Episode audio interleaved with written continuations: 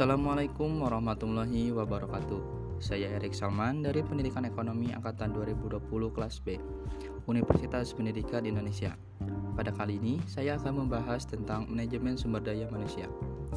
Secara umum, manajemen sumber daya manusia merupakan salah satu upaya yang dilakukan oleh perusahaan untuk mengatur sumber daya manusianya. Sumber daya ini diarahkan untuk mencapai tujuan perusahaan yang telah ditetapkan sebelumnya. MSDM dalam sebuah perusahaan berfokus pada kegiatan rekrutmen sumber daya manusia, pengelolaan, dan pengarahan untuk mencapai tujuan perusahaan.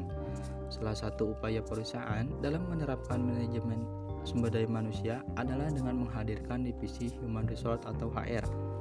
HR memberikan berbagai macam pengetahuan seputar perusahaan dan cara hukum untuk perusahaan.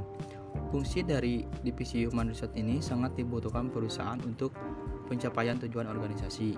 Dengan adanya sumber daya manusia, pengelolaan terhadap seluruh kegiatan yang melibatkan elemen sumber daya manusia dapat berjalan dengan mudah. Hal ini tidak lepas dari fungsi MSDM itu sendiri yang membuat pengelolaan lebih mudah.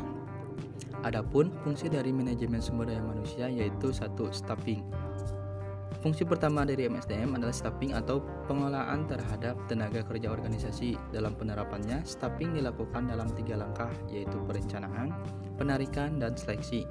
Staffing memiliki peran penting dalam membantu perusahaan merekrut sumber daya manusia yang berkualitas dalam melakukan tugas dan tanggung jawabnya. Kemudian fungsi yang kedua yaitu performance evaluation. Mereka yang bekerja pada divisi SDM memiliki tanggung jawab terhadap serangkaian pembinaan dan pengawasan terhadap tenaga kerja. Hal ini memudahkan perusahaan dalam mengevaluasi karyawan atau calon karyawan terpilih. Proses evaluasi atau penilaian dilakukan berdasarkan standar yang ditetapkan divisi SDM. Kemudian fungsi yang ketiga itu compensation. Mengatur mengenai gaji karyawan dalam perusahaan. Hal ini merupakan bentuk penghargaan yang diberikan perusahaan atas kinerja karyawan. Pengelolaan gaji memberikan pengaruh signifikan dalam iklim kinerja ke, iklim kerja organisasi. Kemudian fungsi yang keempat yaitu training and development adalah mengadakan pusat latihan untuk seluruh elemen sumber daya manusia dalam perusahaan. Hal ini bertujuan untuk membuat karyawan bekerja dengan maksimal. Selain itu, SDM juga bertanggung jawab untuk memberikan solusi terhadap kendala yang dialami karyawan untuk memaksimalkan kinerja karyawan. Kemudian fungsi yang kelima yaitu employee relation Tugas dan tanggung jawab MSDM juga adalah berupaya membangun relasi dengan pihak lain yang terkait dengan tenaga kerja seperti serikat pekerja. Hal ini bertujuan untuk menciptakan iklim kerja yang kondusif bagi karyawan karena permasalahan dapat diatasi dengan baik. Fungsi yang keenam yaitu personal research. Tugas utama dari MSDM adalah untuk mengatasi permasalahan yang dihadapi karyawan dalam lingkungan perusahaan. MSDM harus melakukan analisis terhadap setiap permasalahan seperti PHK dan memberikan solusi yang tepat. Hal ini dilakukan untuk menghindarkan karyawan dari hal yang bisa mengganggu kinerjanya dalam perusahaan. Fungsi yang terakhir yaitu safety and health. Iklim yang kondusif serta aman dan sehat dapat membuat karyawan melakukan pekerjaannya dengan maksimal. Salah satu tugas dan tanggung jawab MSDM adalah memberikan jaminan keselamatan kerja dan kesehatan bagi elemen sumber daya manusia dalam organisasi.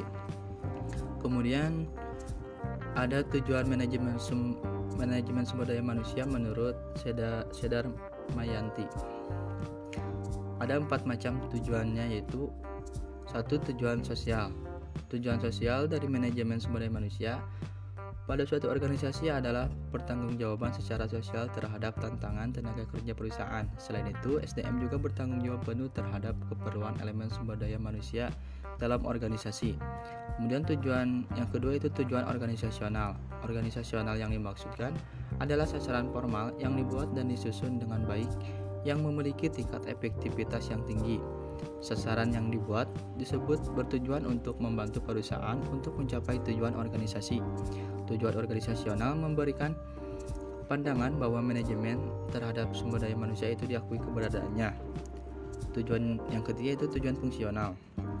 Berdasarkan tujuan ini, MSDM perusahaan bertujuan untuk mempertahankan kontribusi elemen sumber daya manusia pada setiap bidang perusahaan. Sumber daya manusia yang dimiliki perusahaan dipelihara dengan baik agar mereka memberikan kontribusi optimal untuk kelangsungan perusahaan. Dan tujuan yang terakhir yaitu tujuan pribadi atau individual. Tujuan pribadi harus diarahkan dengan tujuan organisasi secara keseluruhan untuk memudahkan pencapaian tujuan organisasi. Dengan adanya tujuan pribadi, perusahaan dapat memanfaatkannya untuk meningkatkan motivasi karyawan untuk memberikan kontribusi yang optimal. Cukup sekian pembahasan yang dapat saya sampaikan. Terima kasih. Wassalamualaikum warahmatullahi wabarakatuh.